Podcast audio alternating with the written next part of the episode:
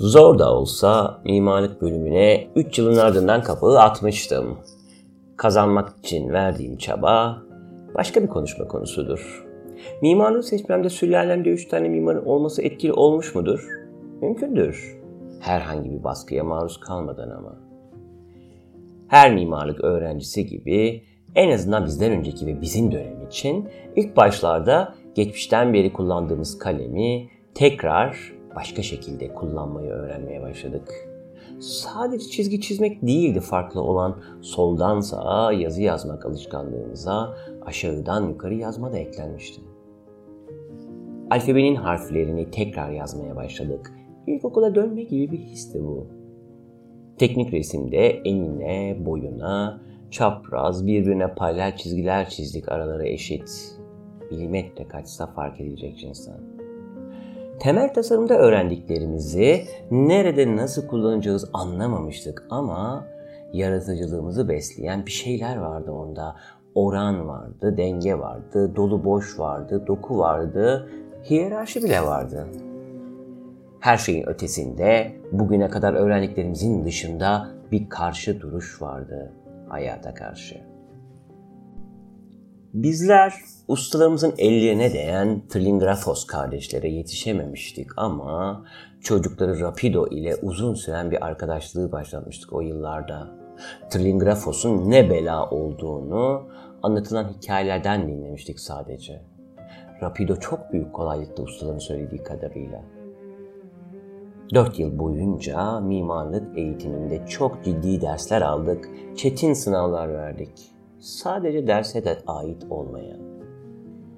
İnternetin olmadığı günlerde bilgi dağarcığımızı besleyen tek şey ustalarımızın öğretileri ve kitaplardı. Kütüphaneden saatlerce çıkmaz, periyodik dergilerin sadece güncel sayılarını değil, geçmiş sayılarını da okurduk. Kendimi kütüphanede kaybettiğim günlerin birinde cüzdanımdaki parayı çaldırdığımı ancak alışveriş yapmak için bakkala girdiğimde fark etmiştim. Mezun olduk sonunda ama öğrenciliğim sadece okul sıralarındaki planşlarda geçmedi.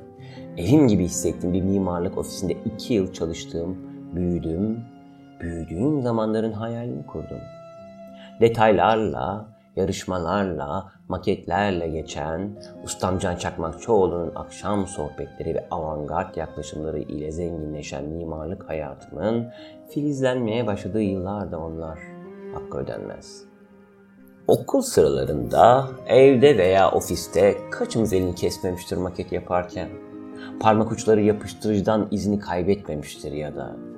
Uykusuz kalmak, sabahlamak haftanın iki günü rutinimizdir ve uykusuz kalmak göz kapaklarımıza yenik düşmemek için kaçımız bir gecede kupalarca Nescafe, litrelerce kola tüketmemiştir.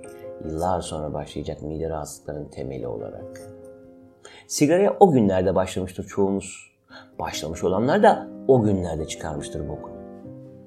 Elimizde şarap kadehi, hele aynı anda aşıksanız birine, proje masasında T cetveli veya paraleli gönye ile buluşturup kaçımız dans ettirmemiştir ki Aydın Gerpis'te. Geç girdiğim bölümümü alttan tek ders dahi almadan tam zamanda bitirerek yapı fiziği yüksek lisansına başlamıştım. Mezun olur olmaz.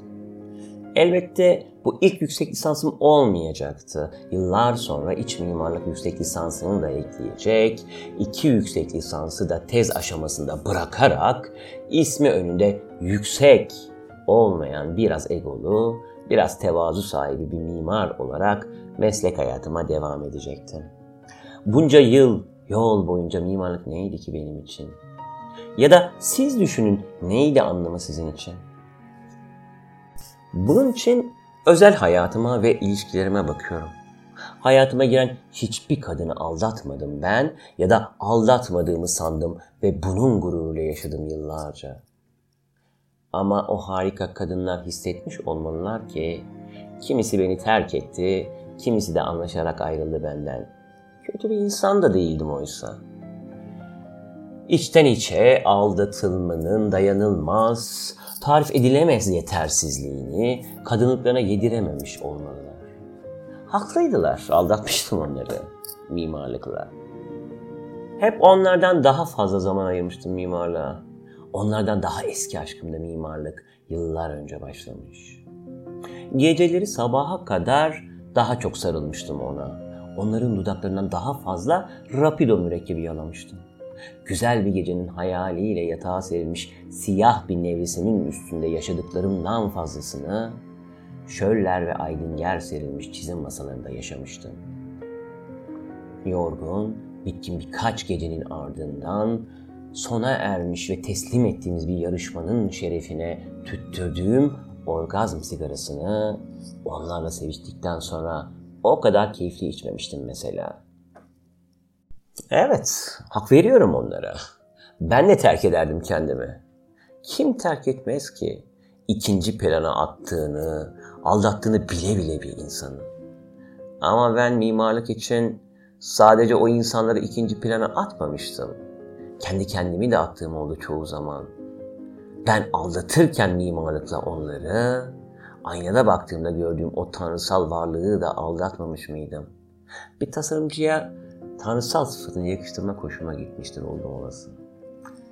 Mimarlık, itiraf etmekten hep korktuğum, yıllarca hayalini içimde büyüttüğüm, herkesin kıskandığı birisi oldu hep. Yeri geldi öpüştük, seviştik. Yeri geldi sarıldık, ağlaştık. Şiirler yazdım burada okul sıralarında. Hiçbir kadına yazmadığım dönemlerde daha. Benden kaçtığı dönemler de çok olmuştur. O benden kaçtı, ben kovaladım. Ben ondan kaçtım, o kovaladı. Tutku, şehvet ve aşkla başlayan heyecanlı günlerimiz zamanla kendini dingin, huzurlu ve sevgi dolu günlere bıraktı. Zor zamanlardan da geçmiştik. Geçmeye devam ediyorduk. Zorluk hep olacaktı. Her birliktelikte, evlilikte olduğu gibi. İçeriden değildi ama beraberliğimizi kıskanan, zarar vermek ve bundan kendi lehlerine çıkar sağlamak isteyenler hemen yakınımızda başta sermaye sahipleri, sonra yönetmelikler, makroekonomik veriler vesaire vesaire. Hayat zordu ve birlikteliğimiz etkileniyordu. Artık eskisi kadar da sevişmiyorduk. Başım ağrıyor bahanesiyle. Yalandan alt dudağa kondurulan öpücüklerle ne kadar devam edebilirdik zaten. Ben şanslıydım gerçekten. Zamanda mimarlıkla aramızda herkesi kıskandıracak kadar büyük, tutkulu bir aşk yaşadığım için. Ama şu anda aşkımızı bitme noktasına getiren olmaz olası şartlar içindeydik ve bu şartlar sadece bizi değil, diğer tüm çiftleri de etkiliyordu. İlk kez bu şartlar içinde ilişkiye başlamış, ev kurmuş, düğün yapmış, balayına çıkmış çiftler de vardı. Ve tüm bunlar uğruna yaptıkları borçları hala ödemekteydiler. Aşkları çok kısa sürmüştü bu şartlar altında mimarlıkla. Kafalarda sevdiği ile geleceğe yelken açmak uğruna ödenecek borçlar varken ne libido kalmıştı ne de şehvet. Hatta gitgide soğumaya bile başlamışlardı birbirlerinden. Mimarlıkla evliliklerini sürdürmeye çalışma uğruna istemeye istemeye aldatmalar başladı.